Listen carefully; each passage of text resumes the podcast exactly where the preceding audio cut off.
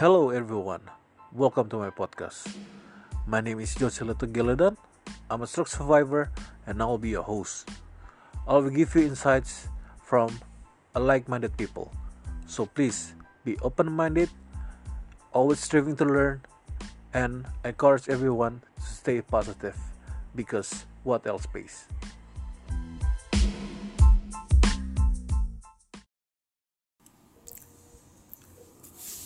Um, hello everyone, my name is Josela Gilden. Welcome to back. Welcome back to my podcast.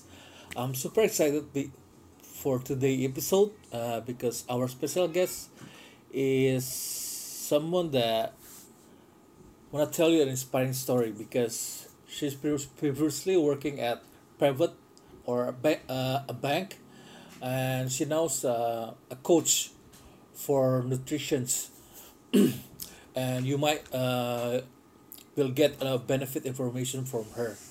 Her name is uh, Debbie. Uh, I forgot the full name. Um, apologize, but he will tell her herself uh, later.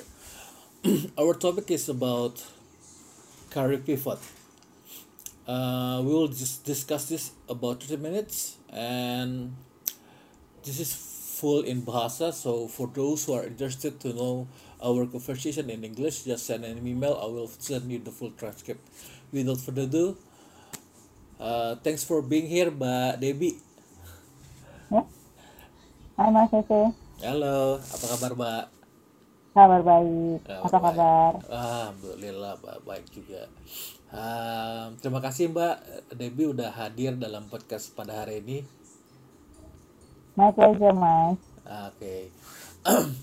Ini pertanyaan saya, pertanyaan yang selalu saya um, tanyakan kepada narasumber saya. Yang yang pertama itu uh, tolong dong um, boleh sedikit cerita gak uh, Mbak Debbie itu siapa, um, dulu lahir di mana, uh, waktu kuliah ambil jurusan apa, lalu sekarang tinggal di mana, sekarang lagi fokus kerjanya apa, visi misinya ke depannya apa. Silakan Pak silak sekalian full name-nya tadi kayak nggak nggak cash. Thank you Pak. Oke. Eh, mulai dari nama, nama saya full name Debbie Lareta. Biasanya dipanggilnya Debbie. Kalau di rumah biasanya dipanggilnya Reta. You can call me uh, any any any Debbie or Reta. Oke. But kita panggilnya Debbie aja ya, berarti ya. Terus kalau lahir, saya lahirnya di Padang, saya Minangis. Eh, kemudian eh, tahun 1979, jadi bisa guess eh, umur saya berapa gitu ya. Terus apalagi tadi mas? Em, Dulu tinggal, di saya mana? tinggal di Bintaro. Saya tinggal di Bintaro di eh, daerah Tangerang Selatan. Oke. Kemudian eh, dulu saya kerja di bank, di satu bank. Eh, saya sudah kerja di bank dari tahun 2004. Nah, recently saya udah resign dari bank baru aja tanggal 1 Juli eh, 2020 kemarin. Jadi eh, this is my second day. Eh, udah jadi eh, apa pensiunan bank gitu. Nah, sekarang saya lagi fokus eh, mau eh, mendalami bisnis eh, sebagai konsultan nutrisi di Herbalife uh, Nutrition Indonesia. Jadi Herbalife Nutrition Indonesia saya sebagai independen uh, distributor, uh, artinya uh, sebagai yang memasarkan produk-produk dari Herbalife Nutrition. Gitu mas. Fokusnya uh, lebih kepada mengedukasi uh, Indo- orang-orang di Indonesia bagaimana caranya menjadi sehat, apa yang harus dimakan untuk sehat, kemudian nutrisi dari Herbalife Nutrition apa aja yang akan membantu uh, untuk menjadi lebih sehat. Kemudian uh, tentu saja tujuan utamanya adalah uh, mengidealkan berat badan gitu. Gitu sih mungkin uh, singkat dari saya, Mas. Oke. em, sekolahnya dulu di mana Mbak? Eh, kuliahnya dan Oh iya, jurusan apa? sekolah ya. Heeh. Saya sampai SMA sekolah di Padang, Oke. terus eh, kuliahnya saya di eh, Bandung, ngambil jurusan ekonomi. Eh, undergraduate-nya saya ikut kelas jauh eh, UGM, gitu. Alright. Oke, okay. saya narik ke belakang sedikit nih Mbak, um, Mbak Debbie. Tadi kan disebutkan bahwa kerjanya di sebuah bank ya, dan ya. memang sangat ke korelasi korelatif dengan background pendidikannya yaitu ekonomi. Ya. Biasanya nih kan orang kalau udah kerja di sebuah tempat, apalagi bank, itu kan udah settle ya Mbak. Nah, du, saya mau nanya pertama pertanyaan saya yang pertama adalah motivasinya apa sih kerja di bank apakah memang karena dorongan pribadi atau memang ada faktor keluarga dulu yang atau bapak atau ibunya kerja di bank. Lalu pertanyaan saya kedua kenapa pensiun mbak di usia yang sangat masih muda menurut saya? Karena kan di bank itu mungkin ada karir ya ada step karir jenjang karir yang jelas kan. Um, apalagi kerja di sebuah bank gitu. Nah boleh sedikit sharing nggak kepada kami? Karena mungkin ini jadi uh, ada nilai inspiratifnya bagi para audiens saya dan listener saya di luar sana pak silakan oke. Kenapa saya pilih bank di awal itu memang ada sedikit historinya dari latar belakang keluarga saya. Uh, saya itu uh, punya ayah, uh, jadi ayah saya itu uh, dulu adalah direktur di direktur utama di sebuah uh, bank daerah di Sumatera Barat. Nah, memang waktu itu uh, saya pilihnya sih nggak jurusan ekonomi ya sebenarnya di awal. Ikut ujiannya UMPTN-nya itu ikutnya kedokteran gigi. Terus lulus dong di kedokteran gigi, tapi uh, ayah saya bilang ngurusin gigi orang. Cuma gitu doang. Habis itu oh ya udah akhirnya uh, saya pikir uh, karena waktu itu masih nurut sama orang tua ya zaman zaman dulu kan oh kayaknya uh, diragukan nih saya harus punya karier di uh, apa kedokteran gigi gitu jadi dokter gigi. Ya udah akhirnya uh, saya ambil ekonomi kemudian uh, masuk ke sebuah bank. Kebetulan waktu itu ditawarin uh, ada tawaran dari kerja di bank jadi saya saya ambil gitu. Jadi tawaran pertama yang yang masuk ya udah saya ambil di situ. Nah saya pikir eh, kalau masuk dari ekonomi ya cocok-cocok aja gitu ya masuk ke perbankan. Tapi ternyata penuh eh, apa namanya banyak yang memang harus dipelajari juga. Nah di situ challenge-nya mulai timbul mas. Challenge mulai timbul saya orangnya eh, suka suka banget eh, ya sedikit tertantang lah dengan hal-hal yang wah kenapa orang lain bisa saya nggak bisa gitu. Nah mulai dari situ saya mulai uh, ngeliat tuh karir di bank mau seperti apa. Ikut lagi pendidikan uh, trainer untuk jadi uh, pimpinan officer terus kemudian uh, ya udah menetapkan langkah ya udah saya akan berkarir di bank. Jadi karena sudah sehari harinya uh, ketemu dengan uh, banker terus ngobrol-ngobrolnya dengan ngobrol-ngobrol uh, banking akhirnya ya udah kenapa enggak gitu udah familiar juga. Nah akhirnya saya tetapkan uh, memilih karir ini selama 16 tahun uh, berkarir di perbankan. So. nah kenapa akhirnya saya uh, pensiun di usia dini nah di awal itu saya punya cita-cita uh, punya dream banget gitu ya uh, mempunyai uh, career di uh, perbankan. Kemudian saya set satu uh, level jabatan yang menurut saya, oh, saya mau jabatan berada di jabatan itu gitu. Waktu itu saya tulisnya Assistant Vice President. Nah, uh, saya tulis di buku, kemudian saya cari uh, syarat-syaratnya apa untuk bisa uh, melangkah uh, lebih jauh ke karir saya itu. Karena awal-awal masuk dulu itu saya kayak cuma seorang eh, apa ya namanya ya sekretaris lah ya sekretaris atau clerical gitu nah di situ saya tulis cita-cita saya di buku kemudian saya cari caranya seperti apa ya udah dari situ saya mulailah perjalanan perjalanan saya untuk um, mengejar mimpi itu. Nah terus setelah berjalannya waktu akhirnya saya nggak terlalu punya ini ya nggak punya uh, stepping stone nggak punya planning nggak punya ini. Itu mengalir aja mengalir.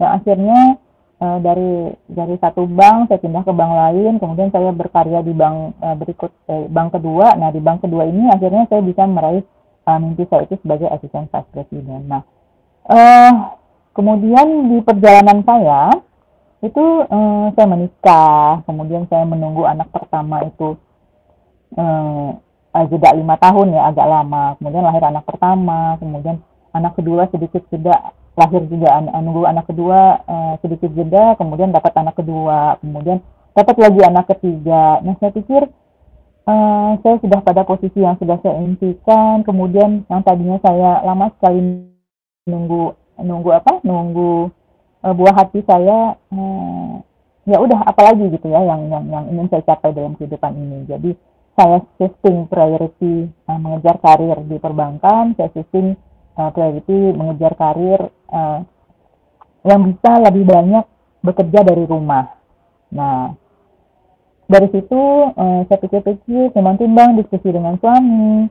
Uh, saya, saya putuskan untuk mengambil uh, pensiun lebih cepat dari dunia perbankan. Jadi uh, dream saya sudah tercapai, kemudian saya shifting priority ke lebih banyak dengan uh, keluarga di rumah, uh, sambil mengelola juga uh, bisnis yang saya senangi. Jadi saya tuh dari dulu tuh senang yang nggak uh, uh, suka masuk rumah sakit tuh nggak suka mas. Saya tuh nggak suka masuk rumah sakit. Pernah sekali terakhir masuk rumah sakit itu tifus tuh nggak suka banget dua minggu ngapain gitu bosan banget gitu ya terus melihat orang-orang pergi liburan saya di rumah sakit gitu. Saya nggak mau pokoknya saya nggak mau sakit. Nah dari situ uh, uh, ibu saya ketemu dengan yang namanya Herbalife Nutrition. Nah dari situ ibu saya kasih nutrisi ini ke saya. Jadi saya udah minum nutrisi ini dari 2004 nah dari situ saya masuk perbankan ya mas 2004 masuk bank terus saya minum terus terus. Tapi uh, dari sisi kesehatannya saya uh, uh, dapetin dari Herbalife Nutrition ini jadi dari nutrisi. Jadi selama 2004 itu sampai sekarang saya minum dan uh, hasilnya ya yaitu saya nggak nggak pernah sakit lagi. Nah sebenarnya uh, saya senang tuh yang namanya makanan sehat. Nah, terus kalau seandainya jajan di luaran saya pilih-pilih karena kan sakit tipes nggak bisa makan sembarangan terus nggak bisa kecapean gitu kan. Nah nah dua itu yang uh, uh, akhirnya saya pikir-pikir uh, cocok nih saya jalanin bisnis dari rumah kemudian saya pilih Herbalife Nutrition ini untuk saya jalanin karena saya suka uh, uh, membantu orang lain untuk sehat karena saya sendiri uh, juga pengen uh, uh, uh, jadi sehat gitu. Nah itu cuma sebenarnya kenapa saya memilih pertamanya perbankan, kemudian kenapa saya pensiun lebih cepat dan kenapa saya pilihnya Herbalife Nutrition gitu. Wow. Gitu Mas Afri. uh, cerita panjang ya enggak enggak bukan bukan enggak apa apa mbak panjang tapi saya justru um, senang karena itu membuka dimensi mbak ini perspektif dari cerita hmm. mbak ya sebelum kita masuk ke pertanyaan hmm. berikutnya mengenai hmm. apa your car your current career uh, membuka perspektif baru bahwa um, dari cerita Mbak kan terlihat jelas ya bahwa Mbak tuh orangnya dari dulu goal oriented kalau ingin sesuatu ingin dicapai I will get there gitu kan I will get hmm. there gak tahu caranya bagaimana tapi terbukti akhirnya sampai juga nah satu hmm. perspektif yang lain adalah um, biasanya kan orang kadang kadang kala ketika sudah di atas di atas karirnya lah ya di atas hmm. karirnya sudah sangat tinggi sekali ya kan ya uh, jabatannya sudah sangat baik biasanya hmm. menganggap sebuah keluarga itu jadi kayak sebuah hambatan ya kan kadang hmm. ada ada juga teman-teman saya juga yang mikir ah nanti aja deh merit gue lagi karir gue lagi bagus bagusnya nih gitu kan hmm. takutnya gue dengan gue merit ada anak gue jadi apa uh, konsentrasi gue jadi pecah tapi hmm. justru dengan cerita mbak tuh uh, membuktikan bahwa perspektif itu nggak selalu benar bahwa justru dengan keluarga gue mau menciptakan sebuah uh, dimensi baru bahwa keluarga itu yang utama gitu loh. Ya gak sih? Uh, makanya maka dari itu kalau nggak salah ya mbak uh, bercerita mbak mbak memilih uh, apa namanya uh, karir baru ya yang bisa kerja di dari rumah. Uh, setidaknya motivasinya gue bisa kerja di rumah menghasilkan duit tapi gue bisa lihat anak-anak gue juga gitu keluarga gue juga ya. Ya. nah di samping itu juga memang di, diperkuat dengan ternyata mbak dulu pengennya jadi dokter gizi ya gak sih Iya ternyata ya ke belakang. memang passionnya awal dari awal tuh pengen jadi dokter gizi tapi karena memang um, historis dari keluarga mbak yang banker terutama bapak bapaknya akhirnya jadi banker juga tapi nggak Iya. biasanya sih kalau udah dari bukan dari dorongan dorongan diri sendiri biasanya karirnya nggak terlalu bagus. Tapi mbak membuktikan itu berbeda. Saya saya senang loh dengar cerita mbak bahwa mbak tuh self driven orangnya which is uh, very good untuk para audiens saya dan listener saya di sana. Saya pribadi saya senang dengar cerita mbak. Dan saya juga saya baru tahu mbak ternyata ceritanya begini. Karena jujur aja dulu sempat diajak ya sama mbak Debbie ke acara salah satu apa seminar your your your current apa your current career kan? Uh, Heeh. kadang-kadang kan kita suka masyarakat kita, kita tuh suka stick stigma mbak. Artinya kalau bilang sesuatu ini kita suka dianggap remeh. Padahal cerita yang mbak tuh wow karirnya udah tinggi banget di bank.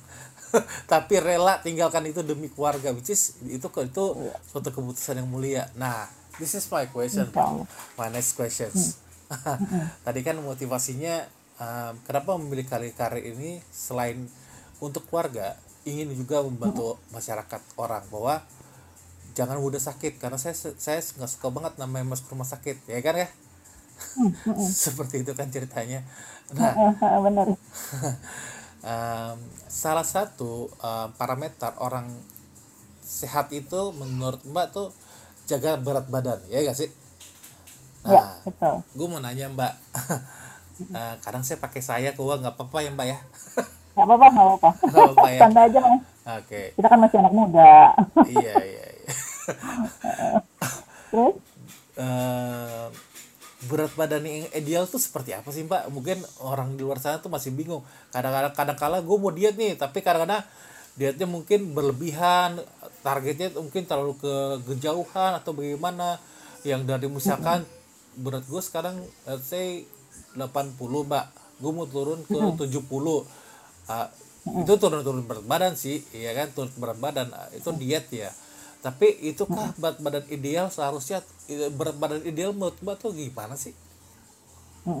Nah, kalau berat badan ideal, Mas, seperti yang udah-udah kita tahu itu kita pasti ngitungnya dari tinggi dulu. Nah, kita tingginya berapa? Kemudian eh, kita mau size-nya itu size kecil, size sedang, atau size besar itu. Kadang-kadang eh, kayak saya, saya punya eh, tubuh itu eh, apa namanya eh, size-nya itu eh, tubuh kita tuh bisa diatur jadi bisa kita agak besar sedikit agak sedang sama kecil nah kebetulan saya tuh kecil. Jadi kalau pada saat saya turun berapa kilo pun udah kelihatannya tuh kecil gitu. Ada juga orang yang mungkin tulangnya agak besar tapi lebih proporsional kalau dia tuh eh, eh, agak sedang. Jadi turunnya tuh misalnya nih kalau saya 62 kilo aja tuh udah gede banget gitu ya. Udah 64 tuh udah jalannya tuh susah gitu. Jalan tuh susah udah ngos-ngosan dan nggak nggak males ngapa-ngapain gitu. Nah saya tuh menurut saya idealnya adalah karena badan tulang saya kecil saya idealnya tuh di angka-angka eh, 48 ada juga orang enggak saya kekurusan nggak bagus. Ya karena dia mungkin tulangnya besar kalau kelihatan kelihatan dia eh, apa nggak nggak berotot nggak ada dagingnya tuh nggak bagus juga gitu. Nah berat ideal seseorang tuh kita bisa eh, eh, lihat lagi eh, dari eh, posturnya, kemudian dari tingginya. Nah, kalau di Herbalife Nutrition itu nanti kita punya ada tabel mas yang punya yang jadi referensi kita untuk menentukan oh ini orang ini eh, baiknya turunnya berapa kilo. Nanti akan kita kasih referensi. Jadi akan kita kasih saran ke, ke mereka ibu baiknya turunnya eh, 10 kilo turun 20 kilo lagi gitu. Jadi nggak kita minta oh ibu terlalu besar nih turunnya harus 30 enggak tapi kita bilang ibu turunnya 20 kilo supaya eh, lebih bisa me- eh, apa namanya melakukan kegiatan tuh lebih lebih enteng lebih ringan gitu. Nggak memberatkan eh, oh, kaki. Karena kan sendi-sendi kita ini harus dijaga mas. Nah sendi-sendi itu kalau udah makin berat tuh makin berat tuh kerjanya gitu. Nah supaya kita lebih berenergi gitu nah itu itu menurut eh, kalau kalau di kalau saya pasti akan Nah, melihat dari tinggi, kemudian dari uh, postur tubuhnya dia kalau terlalu kekurusan nggak bagus juga, ntar orang bilang kurus banget, menderita ya gitu, ntar digituin lagi kan. nah, menurut saya uh, berat ideal itu seperti itu. Jadi diukur tingginya berapa, kemudian dilihat uh, posturnya uh, seperti apa gitu. oke Jadi nggak semua orang harus turun 20, harus turun 10 gitu, enggak. Jadi dilihat lagi. oke Itu Mas Oke. um, artinya um, Mbak sebagai ahli nutrisi di Herb Herbalife uh, memberikan coaching ya, artinya memberikan guidance betul. kepada let's say saya yang ingin ber, turut ber, ber- turut berat badan gitu ya. Ya. Akan akan dikontrol um, gimana Mbak cara kontrolnya? Hmm. Nah, eh, kalau sudah minum nutrisi dari Herbalife, biasanya saya akan kontrol selama tiga hari pertama, karena biasanya eh, tubuh kita ini akan menyesuaikan da- dalam waktu tiga hari. Jadi misalnya nih, eh, pada saat kita eh, pengen latihan minum minum air putih misalnya gitu ya, kita latihan aja tiga hari minum air putih kan hari pertama tuh rasanya oh belenek gitu ya karena kebanyakan minum air putih yang biasanya kita minum air putih satu liter kita harus minum 2 liter nih oh belenek tapi di hari kedua nanti tubuh kita menyesuaikan. Menyesuaikan dia udah mulai ah nggak belenek lebih lebih asik gitu minumnya. Nah nanti di hari ketiga dia menyesuaikan lagi. Ah lebih ringan nih minumnya. Nanti di hari keempat kelima keenam dan seterusnya tubuh kita tuh pada saat nggak dikasih minum 2 liter dia akan nagih mas. Nagih dalam artian gini kok rasanya kering banget ya apa ya gitu wah ternyata masih kurang minumnya kurang dari 2 liter gitu nah eh, biasanya eh, saya kasih programnya eh, kalau minum nutrisi Herbalife itu saya kasih program tiga hari pertama jadi eh, di mana eh, kasih waktu tubuh untuk menyesuaikan eh, dengan nutrisi baik yang masuk ke dalam tubuh dengan air putih yang eh, kita cukupkan sampai dengan 2 liter atau disesuaikan dengan eh, berat badan gitu. Nah, gitu sih Mas. Oke. Jadi itu uh, cara Mbak controlling uh, orang yang ingin turut berat badan ya sesuai dengan uh, SOP prosedur yang Mbak uh, berikan. Tapi uh, saya, Betul. saya ambil contoh saya saya sebab saya I'm not speaking for everyone tapi ambil contohnya saya lah sampelnya. Saya kan masih suka makan pagi gitu ya. Nasi siang makan nasi nasi lagi. Malam uh, Nasi jam nasi 6 lagi gitu ya. jam, jam 6 makan nasi lagi. Lauknya yang ya ikan gitu ya standar lah sama sayur. Dan kadang in between saya masih suka ngemil gitu kan. Cari-cari manis lah ngemilnya kue gitu misal. Nah itu kalau ketika mbak udah coaching gitu apakah ke kebiasaan saya yang seperti ini harus dihilangkan atau gimana mbak? Nah, gitu. Oke, Mas. Nah, biasanya kalau seandainya sebelum minum nutrisi, saya tanya dulu nih, eh, tujuannya eh, mau minum nutrisi Herbalife ini apa?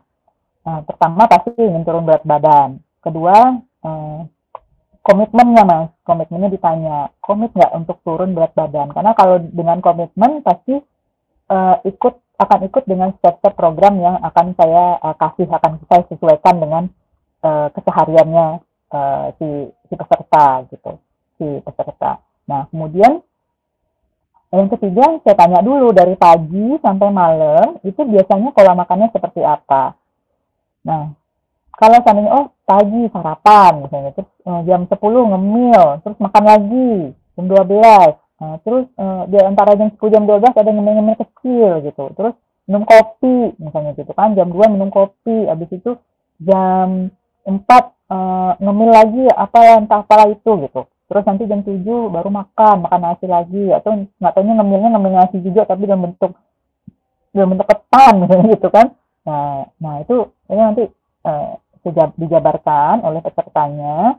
Nah, kemudian saya akan lihat, oh, berarti untuk turun berat badan yang harus diganti adalah pertama makan paginya karena terlalu ber, terlalu besar kalorinya di pagi hari dan tidak ada nutrisinya misalnya gitu ya kalau tadi makannya nasi goreng kemudian eh, ngemil nah ngemilnya ini nggak apa-apa di antara makan pagi sama makan siang tuh nggak apa-apa ngemil tapi cemilannya diganti dengan cemilan yang sehat misalnya buah potong gitu buah atau jus tanpa gula. Biasanya kan orang minum jus rasanya udah sehat ya. Wah, ngejus nih sehat. Tapi sebenarnya yang nggak sehat tuh gulanya. Nah, jusnya nggak ta- tanpa gula kan sebenarnya ya kalau buahnya nggak manis ya nggak ada rasanya gitu kan. Nah, tapi hati-hati aja kalau ngejus tuh eh, gulanya yang bikin gula tambahan itu yang bikin eh, kalorinya besar. Nah, kemudian in between ngemil lagi. Wah, ini kayaknya harus saya tanya, harus saya tanya air putihnya berapa banyak satu hari. Wah, kalau air putih saya jarang-jarang minum. Nah, biasanya orang yang banyak ngemil itu uh, akan kurang minum air putih. Karena gini, dia salah mengartikan uh, sinyal-sinyal yang diberikan oleh tubuhnya. Jadi pada saat kita haus itu mas, ada sinyal yang dikirim oleh tubuh ke otak dan otak tuh kadang-kadang hmm, menginterpretasikannya dalam bentuk oh saya lapar dalam bentuk rasa lapar.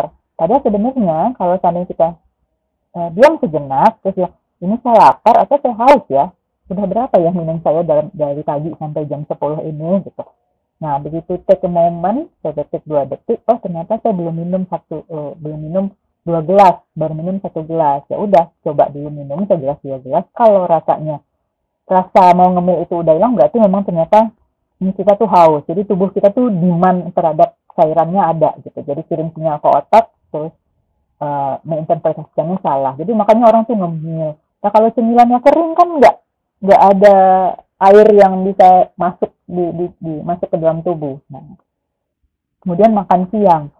Kalau di nutrisi Herbalife, eh, dietnya itu eh, harus makan siang. Jadi makan itu nggak boleh nggak makan. Jadi maksudnya kalau makan siang nggak boleh dilewatin gitu. Jadi kalau waktunya makan pagi harus makan pagi, waktunya makan siang harus makan siang, waktunya makan malam harus makan malam. Hanya saja makan pagi dan makan malamnya nanti diganti dengan nutrisi nutrisi herbalas kalau ingin turun berat badan.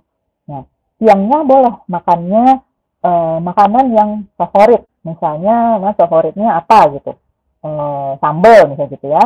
Tapi takarannya kita ikut eh, porsinya porsi makanan teh, eh, makanan eh, gizi seimbang. Jadi gini, porsinya itu kalau menurut eh, eh, ke, apa Eh, Kementerian Kesehatan uh, dia ngeluarin tuh porsi-porsi yang seharusnya dalam satu piring. Nah, dalam satu piring itu harusnya karbonya hanya sepertiga. Sayurnya itu dua per tiga. Uh, seperti uh, dua per tiga. Lauknya itu lebih banyak. Nah, itu kan itu porsi orang yang biasa ya, masih yang nggak diet. Tapi orang yang diet, itu porsi karbohidratnya harusnya lebih sedikit. Jadi kayak sekepal, lebih sedikit dari sekepal tangan gitu. Nah, setengahnya lah ya, setengahnya. Nah. Kemudian sayurnya harus yang paling banyak, harus yang paling banyak karena karbohidrat dapat diperoleh tubuh nggak hanya dari uh, karbo uh, dari nasi, kentang, mie gitu, nggak hanya dari sana. Tapi di dalam sayuran itu juga ada karbohidrat. Nah, karbohidrat yang di dalam sayuran dan di dalam lauk pauk, jadi di dalam lauk pauk kita juga ada karbohidrat. Nah, itu lebih mudah dicerna lebih mudah membuat kita dicerna oleh tubuh dan uh, apa nggak uh, membuat kita rasa rasa kenyang kita lebih lama. Nah, jadi karbohidratnya nggak perlu dari nasi, tapi dari sayur-sayuran aja dan dari lauk yang kita makan. Jadi porsi sayurannya harus lebih banyak, paling banyak, dan lauknya itu harus banyak karena uh, sumber proteinnya uh, harus banyak. Uh, kenapa? Nah, protein ini adalah uh, satu-satunya yang bisa menumbuhkan membuat sel-sel sel-sel baru di dalam tubuh kita. Jadi kita di sel-sel di dalam tubuh kita ini ber, berregenerasi. Jadi dia ada yang uh, ada yang rusak terus mati nanti harus diganti. Nah digantinya caranya gimana? Di, tubuh kita nggak bisa mereproduksi sel sendiri, tapi eh, nggak uh, bisa mereproduksi uh, sel tanpa bantuan protein. Nah protein itu sendiri nggak ada dalam tubuh kita mas. Jadi protein itu harus di in, eh, dimasukkan atau diintake dimakan eh, dari luar, jadi dimasukkan dari luar, jadi intake gitu ya. Nah, eh, protein ini yang nanti akan membantu regenerasi sel-sel di dalam tubuh. Nah, membentuk otot, kemudian protein itu membentuk otot, kemudian eh, dia juga membuat kita eh, rasa kenyang lebih lama. Nah, kenapa kita tetap harus eh, makan siang itu? Kita tetap harus mendapatkan eh, apa namanya eh, terlalu uh, dia terlalu ketat yang nggak makan nggak apa segala macam tuh kayak uh, nanti kita bisa menggila gitu. Jadi udah sehari dua hari tiga hari uh, diet tiba-tiba hari keempat nah pengen makan banyak gitu kan. Nah, uh, itu uh, dietnya nggak nggak bagus. Jadi pada saat makan kita harus makan. Nah pada saat harus makan uh, bukan yang bukan dari nutrisi herbalas kita harus pilih makanan yang lebih sehat. Jadi karbonnya sedikit sayurannya banyak lauknya uh, juga banyak gitu nah gitu sih mas. Alright. Um, soalnya uh, memang sih saya setuju mbak. Uh, gue pribadi setuju karena namanya diet itu kita harus fun ya. Secara mental tuh harus tetap happy. Karena kita nggak mau juga ya. Saya boleh cerita ini ya mas? Saya ingin menyelah. kenapa? Sorry mas. Nah, saya boleh cerita sedikit nggak? Eh, pengalaman saya mencoba diet-diet selain diet Herbalife? coba ya nggak apa-apa silakan pak Nah, eh, saya banyak sih. Jadi di perjalanan saya dengan Herbalife ini saya juga eh, pengen juga tuh dia diet kayak orang tuh cepet banget gitu kan turun gitu. Saya coba-coba, saya coba-coba. Jadi memang eh, ada plus minusnya dari diet-diet yang yang lain itu. Nanti eh, yang pasti eh, ada satu diet yang saya coba. eh, mungkin teman-teman akan tahu kalau saya sebutin dietnya itu eh, low karbo, low garam, eh, terus eh, dua minggu. Nah itu at the end saya akhirnya sakit. Saya juga nggak tahu tuh kenapa sakit. Tapi eh, sakit saya nggak terlalu parah karena saya masih eh, sa- eh, sebel- sebelum saya diet itu saya masih konsumsi nutrisi balas selama diet saya hentiin. Nah begitu selesai saya nggak saya nggak nggak eh, saya saya sakit gitu. Nah sementara teman-teman saya yang lain begitu selesai diet itu ada yang sakit tipes. Eh, jadi kalau kita mau mereview satu diet gitu ya, eh, eh, cari suatu diet, carilah diet yang eh, yang yang komposisi makanannya itu memenuhi nutrisi yang dibutuhin oleh tubuh. Nah mungkin dari literatur-literatur yang bisa diperoleh dari internet, kita bisa tahu tuh eh, vitamin ataupun mineral esensial mana yang dibutuhin oleh tubuh. Nah nanti ada nggak di dalam makanan kita sehari-hari pada saat kita diet? Nah jangan sampai pada saat nanti kita diet itu eh, organ-organ di tubuh kita ini bekerja lebih keras dari biasanya. Nah, dia harus lebih keras untuk nggak dapat apa-apa tapi disuruh kerja lebih keras. Nah, jangan sampai begitu. At the end itu pasti akan eh, menurut saya akan organnya itu akan mengalami penurunan eh, fungsi. Jadi kita either itu imunnya, either itu apa pun itu itu akan mengalami penurunan fungsi dan akhirnya eh, menjadi lelah dan akhirnya kita sakit. Itu sih mas, jadi saya nggak hanya eh, diet Herbalife aja yang saya jalanin, tapi eh, saya coba juga tuh diet apa sih? Diet keto, terus diet mayo, terus diet eh, yang puasa 16 jam, diet yang eh, ada bisa lah bisa dicoba dan saya nggak prefer melakukan diet itu karena eh, tubuh saya merasa eh, eh, merasa apa merasa lelah dan eh, kadang-kadang saya sakit kadang-kadang ini gitu. Nah tapi dengan eh, setelah menjalani itu saya jadi lebih yakin bahwa eh, pada saat diet itu kita harus tetap memasukkan nutrisi ke dalam tubuh kita. Jadi yang yang tiba-tiba dietnya mau diet olahraga aja gitu kan, ya nggak apa-apa. Tapi jangan bikin pada saat olahraga terus makannya eh, setelah itu eh, ayam KFC gitu ya. Sorry nyebutin brand tapi ayam ayam ya gitu gitulah gitu yang yang yang fatnya tinggi. Nah itu nggak bagus untuk eh, kita regenerasi sel. Nggak ada vitaminnya. Gitu sih mas. Jadi mungkin tambahan atas eh, apa namanya atas eh, apa nanti program yang saya kasih kepada peserta. Jadi sampai eh, makan siang terus siangnya kalau saya biasa ngopi saya nanya tuh ke teman-teman ke teman-teman yang biasa ngopi sebenarnya kalau ngopi itu eh, pilih rasanya suka rasanya atau eh, butuh efek butuh efek kafeinnya yang bikin melek, bikin seger gitu, biasanya gitu. Nah, eh, ada juga oh, saya, saya butuh rasanya sih, rasanya tuh eh, enak gitu, bikin bikin mood booster. Oh, saya ada juga yang saya pokoknya ngopi biar saya nggak ngantuk biar enak. Kalau gitu, kalau misalnya dia memilih kopi karena memang harus tetap stay fokus, di Nutrisi Herbalife juga punya namanya teh yang bisa ngebooster energi eh, supaya tetap lebih fokus, kemudian lebih berenergi dan eh, pada saat kerja tuh kita nggak ngantuk gitu, jadi seger aja sepanjang hari. Nah itu kita juga punya. Nah itu nanti saya akan menggantikan kopinya dengan eh, si eh, teh Nemesis Raw Guarana namanya dengan teh eh, dengan teh dari Nutrisi Herbalife. Tapi kalau suka kopinya nanti saya akan menginkludkan kopi itu ke dalam programnya. Tapi eh, yang saya saya tekankan adalah tetap kopi itu yang jahat tuh gulanya, bukan kopinya. Gitu. Nah, terus uh, cemilan tetap cemilan diganti, kemudian makan malam. Nah, kalau untuk mau diet, kalau untuk mau nurunin berat badan, tetap makan malam tuh harus dicari yang kalorinya eh, rendah. Jadi diganti dengan nutrisi herbalife juga bisa atau misalnya mau uh, cari makanan sendiri ya. Mungkin sayur-sayuran yang kalorinya rendah ya, ya yang tanpa karbo yang sayur-sayuran ditambah uh, putih telur rebus ditambah uh, tahu rebus. Nah itu kan juga kenyang tapi lebih sehat uh, untuk tubuh kita. Gitu mas. Oke menarik mbak. Soalnya zaman sekarang kan orang dituntut lifestyle-nya into a new normal ya kan ya? Jadi orang sekarang lebih melek kepada kesehatan. Yang dulu yang nggak suka sepeda akhirnya sepedaan. Nah, sekarang lagi jadi jadi hype jadi new things kan? Orang pada sepedaan di jalan. Cuman kan it's not for everyone. Kenapa nggak saya bilang nggak for everyone?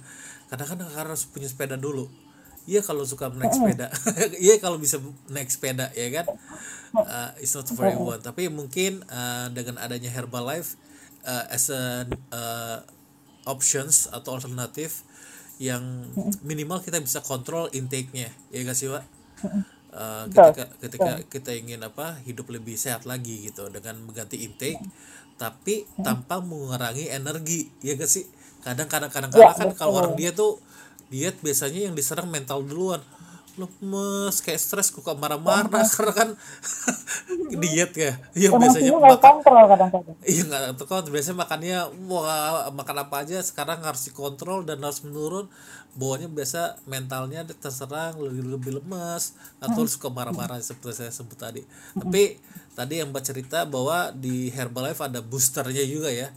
Artinya sebagai pengganti kopi. Kita tetap apa tetap semangat lah throughout the day ya gak sih dengan betul. segala pressure dan tuntutan kerja yang ada. Nah, ini uh, this is what will be my last question, Mbak Debbie. Um, why do you choose Herbalife? Karena di luar sana kan banyak um, produk nutri nutrisi lainnya yang mungkin buat mereka uh, tidak kalah bagusnya kan. Why Herbalife? Why Herbalife? Why do we choose this product? And mm -hmm what's the reward we get from Herbalife? Silakan, Mbak. Oke. Okay. Why Herbalife? Uh, saya pilih Herbalife ini, uh, saya ketemu Herbalife di tahun 2004. Pertama kali itu ibu saya. Jadi ibu saya itu minum nutrisi Herbalife-nya uh, untuk sehat. Nah, setelah uh, merasakan turun berat badan 8 kg, kemudian dia punya kayak uh, leher membesar itu apa ya namanya nama sakitnya mas? Gondongan ya? Oh, bukan gondongan. Apa sih? Steroid steroid ya? Steroid ya lehernya. Nah bengkak di lehernya itu udah mengecil. Sampai sekarang karena minum nutrisi. Jadi uh, ini uh, disclaimer ya mas. Dia bukan untuk mengobati bukan untuk me, uh, apa mendiagnosa suatu penyakit. Tapi efeknya dengan minum nutrisi itu uh, tiroidnya udah kecil. Nggak ada lagi sampai sekarang gitu. Terus uh, akhirnya ibu saya uh, masuk ke bisnis uh, Herbalife ini dan bisa jalan-jalan uh, waktu itu cruise ke uh, ke apa namanya Bahama. Wah keren banget ya. Ikut kapal cruise ke Bahama keren banget. Nah itu tahun 2004 mas. 2004 kemudian saya kan masuk bank gitu kan. Saya pikir ah ini perusahaan apa nih? Nggak ada di Indonesia gitu kan sebagai anak muda kan pasti nyarinya wah yang keren gitu kan kerjaannya di bank uh, kelihatan kantornya ada gitu. Nah ini kantornya dulu masih ya tahun-tahun itu masih di Menara Dea di Kuningan sih tapi kok hmm, gini gitu kan. Terus 2004 ke sini 2020 yang tadinya bareng-bareng uh, saya ngikutin Herbalife ini sekarang udah jadi presiden tim. Dan itu penghasilannya sebulan 600 juta. Bahkan satu miliar satu bulan. Mau dicari ke mana duit sebanyak itu ya kan di perbankan aja sampai setinggi itu oh, belum sampai segitu. Nah, itu sebulan mas, sebulan. Nah, kemudian saya pikir gini, uh, Herbalife ini sudah berkembang sangat-sangat uh, perusahaannya itu sudah ada uh, sudah 40 tahun sampai di 2020 ini dan sudah tersebar di 94 negara. Nah, berarti kan sudah masuk ke dalam uh, sahamnya sudah ada di bursa saham. Nah, berarti kan perusahaan ini dimiliki oleh publik dan uh, akan menjaga kualitasnya karena dia punya stakeholder yang harus dijaga juga gitu. Nah, nah saya pikir wah ini perusahaan-perusahaan besar gitu kan. Nah sampai sebesar ini nggak mungkin dong dia fail ada failure dalam membuat produknya ya kan. toh yang saya minum pun nggak ada filler juga yang saya rasakan di diri saya sendiri gitu jadi di Herbalife Nutrition tuh kita menganut yang namanya uh, apa namanya yang namanya uh, kita harus pakai dulu gitu kan kita buktikan ke diri kita sendiri uh, baru kita bisa bantu orang lain. Jadi kita bantu itu dalam keadaan kita sehat kita bantu itu dalam keadaan kita happy dalam itu dalam keadaan kita tahu loh bahwa produk ini tuh uh, apa bagus untuk diri kita sendiri. Kenapa nggak kita sehatkan orang lain? Masa nggak percaya sih kita aja makan masuk ke dalam tubuh kita gitu. Kalau tubuh kita sakit kan berarti kan wah produk apa ini? gitu kan. Nah itu itu sih mas eh, yang eh, yang membuat saya eh, sangat-sangat eh, yakin mengembang eh, memilih ini gitu. Terus eh, dan ini juga dijalankan nggak hanya nggak nggak hanya nggak harus berkantor dari pagi sampai sore tapi ya fun fun dan happy happy aja ya.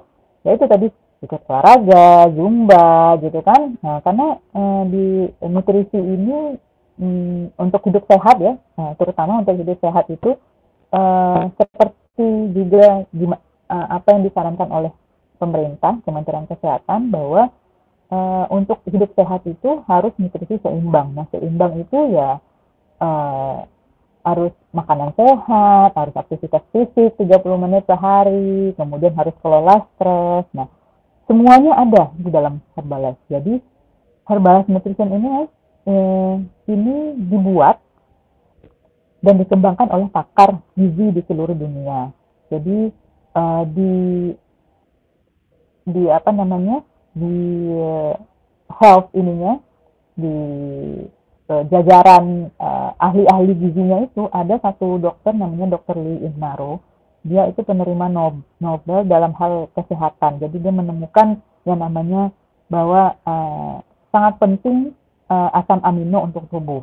Itu bisa di search di dokter Louis Ignaro nah dia uh, adalah penerima Nobel yang bergabung di di Herbalife jadi Herbalife ini adalah science based nutrition yang bisa di di uh, diawasi oleh ahli-ahli gizi di seluruh dunia. Nah, Herbalife itu uh, diteliti uh, oleh ahli gizi uh, ada lagi namanya Dr. David uh, Hiber. Uh, David Hiber. Nah, itu uh, dia mengeluarkan buku-buku bestseller mengenai uh, nutrisi. Jadi yang nutrisi, jadi dia uh, melihat nutrisi yang dibutuhkan untuk uh, uh, apa untuk manusia uh, untuk tubuh yang berdasarkan shape. Jadi shape kita tuh ada pear shape, apple shape gitu. Nah berdasarkan shape itu nama bukunya LA shape. Nah itu ada bukunya bagus banget. Nanti kita bisa bisa belajar dari situ. Oh nutrisi itu juga mempunyai peranan herbal nutrition herbal itu juga uh, uh, bisa mengatur sendiri shape-nya kita. Jadi kita bisa shaping dengan nutrition uh, dengan herbal nutrition uh, dia akan ngatur sendiri tuh si uh, nutrisinya, ngatur di tempat-tempat bagian mana sesuai shape-nya tubuh seseorang, bagian mana yang mesti diturunin dulu. Oh, dia nurunin bagian punggung dulu gitu. Oh, nurunin bagian pinggul dulu. Oh, perut dulu nih misalnya yang paling gampang diturunin sama si nutrisinya. Nanti dia akan uh, memilih tempat-tempat uh, mana yang akan di-shape terlebih dahulu gitu. Jadi hebatnya nutrisi ini mas, dia nutrisi seluler, kalau menurut saya ini uh, uh, science based dan hebatnya adalah dia nutrisi seluler. Jadi nggak perlu dikunyah nggak perlu di susah lambung uh, apa uh, lambung susah karena kita nggak kunyahnya 33 sampai cair banget gitu. 33 itu ya pernah coba. 33 sampai encer banget makanan di mulut baru ditelan. Nah jadi lambungnya nggak itu penyerapannya bagus. Nah kemudian baru masuk langsung sel nggak perlu kayak makanan harus dicerna dulu di lambung. Langsung langsung dari diminum diserap langsung masuk ke dalam sel. Jadi nutrisi seluler. Nah eh, kemudian ya karena dia eh, ahli gizi tentunya dia tahu mana-mana eh, makanan yang paling baik untuk fungsi-fungsi organ tubuh. Nah di setiap bagian belahan negara benua ya mas benuanya itu ada Amerika ada Asia Pasifik kemudian ada Eropa itu punya ahli gizi uh, ahli nutrisi uh, masing-masing. Jadi kalau Eropa tuh punya ahli nutrisinya yang di jajaran uh, boardnya. Jadi ada board ahli nutrisinya Eropa, ada jajaran board ahli nutrisinya uh, Asia. Kebetulan yang baru-baru ini tuh ahli nutrisi di boardnya Asia Pasifik itu bar, uh, terbaru adalah di Malaysia. Jadi ada satu dokter uh, dokter ahli gizi yang sudah banyak melakukan uh, riset-riset terhadap gizi, nah dia jadi boardnya di sebelah. uh, ceritanya uh, sedikit cerita tentang si dokter uh, uh, dokter ahli gizi di Malaysia itu saya lupa namanya. So, sorry tapi dia sebelum masuk ke Herbalife dia riset dia melakukan riset dulu. Herbalife itu apa sih? Nah mungkin saya se, se, se, se profesor ini gitu ya bergabung begitu aja. Terus ilmu saya buat apa gitu kan nah dia ngeriset dulu akhirnya dia eh, tahu Herbalife Nutrition seperti apa produknya dibuat seperti apa nah, produknya berasal dari mana ditanam di mana kemudian hmm, pembuatan packaging pemilihan dan uh, pemisahan produknya dengan racun-racun. Kan tumbuhan itu uh, kayak soya gitu. Soya itu uh, puringnya itu adalah racun. Nah kadang-kadang uh, kalau kita makan soyanya begitu aja gitu nggak pakai diolah itu puringnya juga ikut kita makan. Jadi kita makan baiknya kita makan juga buruknya. Tapi di nutrisi herbalife ini uh, soya eh, apa plant based berasal dari tumbuh-tumbuhan tapi racun yang ada di tumbuhan itu sudah dibuang dulu baru cuma nutrisi gizinya aja yang dimasukin ke dalam uh, uh, Herbalife Nutrition uh, produk nutrisi Herbalife jadi itu prosesnya. Nah dia udah udah lihat tuh oh Herbalife Nutrition tuh gini-gini akhirnya dia join dengan kita itu ceritanya nah dari situ saya pikir wah ini udah nggak main-main nih udah nggak main-main ada labnya di di US di US kemudian ingredientsnya berasal dari berasal dari tempat di mana tanaman itu berasal. Jadi misalnya gini mas, eh, teh, kali kita tahu teh itu asalnya dari Cina. Nah, Herbalife Nutrition itu menanam tehnya di Cina. Dia ngambil sumber tehnya adalah dari Cina. Karena kalau misalnya kayak kita aja nih, oh cabenya tanam di Padang sama cabai tanam di Bandung, itu akan beda rasanya, ya enggak? cabai rawit yang ditanam di Bandung akan beda bentuknya rasanya dengan cabai rawit yang ditanam di ini. Nah, dia menanam uh, mungkin soil yang ada apa uh, soil yang ada di Cina itu akan lebih beda dengan soil yang ada di Indonesia gitu sehingga teh yang dihasilkan juga akan berbeda dengan yang dihasilkan dengan di Indonesia. Nah, dari Cina. Nah, kayak biji guarananya yang untuk teh tadi untuk teh yang energy booster yang untuk kita bisa fokus seharian itu yang mood booster, energy booster. Nah, itu biji guarananya berasal dari Brazil. Jadi ditanamnya di Brazil, dibawa dari Brazil, diolah, kemudian dimasukkan menjadi dalam uh, botol-botol produk uh, uh, nutrition herbalife gitu. Nah, itu semua uh, apa namanya mulai dari prosesnya dikawal sehingga yang yang baik-baiknya aja yang masuk ke dalam nutrition herbalife gitu. Itu sih. Nah jadi saya sangat-sangat yakin kenapa memilih nutrisi Herbalife ini uh, dari sekian banyak nutrisi yang ada uh, di packing ke dalam uh, bentuk botol uh, karena itu. Pertama science based dan diawasi oleh uh, ahli-ahli gizi dunia termasuk penentang Nobel. Kemudian dia sudah perusahaannya sudah 40 tahun di, uh, di dunia ini atau berdiri 40 tahun. Kemudian sudah di 94 negara. Kemudian yang terakhir uh, dinobatkan oleh Euromoney uh, sebagai meal replacement nomor satu di dunia. Uh, meal replacement, jadi pengganti makan dan uh, protein suplemen terbaik di dunia. Gitu. Jadi kalau misalnya mau uh, banding-bandingin ya silakan aja, karena kita udah punya, kita dapat dari Euro, kok Euromoney, Euromon, um, Euro uh, dari satu badan Euro gitu lah, Euro Euro monetary ya, Euro mod Euro apa saya lupa sorry jadi lupa saya, saya karena karena nggak terlalu ini nah dari itu dinobatkan menjadi nomor satu di dunia gitu itu sih mas. Jadi eh, nggak uh, ada keraguan lagi kenapa saya milih, milih uh, Herbalife Nutrition. Gitu. Jadi harusnya uh, teman-teman yang memilih Herbalife Nutrition nggak uh, nggak ragu juga bahwa oh suatu saat nih perusahaannya nggak ada gitu. Suatu saat nutrisinya nggak bagus ternyata bikin sakit gitu kan. Nah selama 40 tahun orang-orang yang sudah minum 40 tahun ini uh, ya orang-orangnya mak makin awet muda, makin berenergi, makin bagus gitu. Nanti bisa di search ada mas uh, di internet dokter Lee Inaro sama dokter David Huber itu ya, yang yang pentolan-pentolan di herbal kita. Itu mas kira-kira jadi panjang lebar. Kenapa saya menetapkan Herbalife uh, Nutrition ini uh, sebagai yang saya pilih my second uh, my second career ya. Ya, so bahwa um, saya rasa apa ya, gua rasa yang apa yang mbak sampaikan itu adalah satu, satu hal yang pasti bahwa Herbalife itu proven ya. Artinya secara track record juga mereka dipercaya. Um, justru melalui apa panjang lebar tadi. Um, karena melalui podcast ini jadi orang tersampaikan bahwa ada produk di luar sana yang bisa kita uh, coba lah ya, ya, ya gak sih? To change our, our lifestyle. Nah ini ini kayak trivia mbak um, before we closing our episodes. Jadi saya ada akan come up with five five thoughts atau five words. Ada kayak satu pertanyaan misalkan contoh Debbie. Uh, Debbie itu apa? Mbak harus bisa jelaskan dalam tiga kata in one sentence. Uh, do you get me? Uh, ngerti gak mbak kira-kira? Hmm, hmm. ngerti ya? Nanti kurang lebih ada lima nih mbak nanti mbak yang jawab uh, tapi maksimal tiga kata ya harus bisa menjelaskan itu lima kata uh, tiga kata ada lima pertanyaan oke hmm, oke. siap mbak coba ya. siap Oke ya siap. Ya. oke Cepet kan aku. alright yang pertama nih um, berat badan Berat badan. Hmm, ideal. Sehat. Alami. ideal sehat. Udah itu aja ya. Oke itu berat badan Alami. ya. terus diet? Diet. Eh, aktif. Kemudian nutrisi. Dan mindset.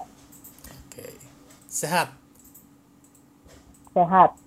Eh, sehat itu eh, nutrisi kemudian eh, apa? Mindset eh, aktif again. Oke. Gaya hidup. Gaya hidup eh, ini menggambarkan aku nggak menggambarkan aku ya menggambarkan lifestyle ya gaya hidupnya ya. Iya terserah mbak mau jawab apa. Mm-mm. Eh, lifestyle itu eh, saya lebih eh, sederhana eh, priority eh, sama eh, sehat. Oke yang last one mbak Herbalife. Herbalife. Itu number one eh, nutrisi kemudian eh, wealth kekayaan Alright, nah, oke mbak. Jangan, udah terima kasih udah jawab pertanyaan ya. Nggak nggak susah kan? Nggak susah kan? Mas masih masih Oh, iya, masih seputar dengan mbak yang lakukan sekarang. Eh, eh. What's your pursuit right now? Um, terima kasih lo mbak Debbie udah mau ngobrol-ngobrol di podcast saya. Eh, ceritanya sangat kasih, inspiratif, inspiratif sekali. Terima kasih juga udah mau berbagi uh, your valuable information ya mbak kepada audiens dan listener saya. Saya yakin banyak manfaatnya. Um, Do you have IG mbak? Punya IG gak? Nanti saya tag ke mbak. punya IG oh ya IG saya baby.lareta Debbie.lareta, alright. I will add you so soon. Nanti saya share um, linknya juga. Nanti episode ini akan saya upload di Spotify. So for those ya yang bagi yang tertarik untuk dengar uh, our conversation bisa dengar di Spotify juga. Oke. Nanti Terima untuk- kasih banyak Mas Jose udah untuk- undang untuk- saya. Sip. Uh, my pleasure loh mbak mau mau ngobrol-ngobrol share informasi. Dan saya dan saya tadinya deg-degan ini apa ya gitu, tapi eh, ternyata seru banget ngobrol-ngobrol sama Mas Jose. Saya eh, apa namanya jadi bisa explore diri saya sendiri Tuh. dan eh, nggak nyangka juga ya Mas ternyata eh, apa namanya eh saya juga baru tahu nih perjalanan hidup saya seperti itu. Kalau nggak ditanya mungkin nggak nyambung ya. Oke Mas Jose, terima kasih banyak. Sama-sama Mbak, terima kasih ceritanya inspiratif. Salam buat keluarga. I wish you nothing but success ya Mbak. Ya, itu ya Mas. Iya, bye bye. Bye bye.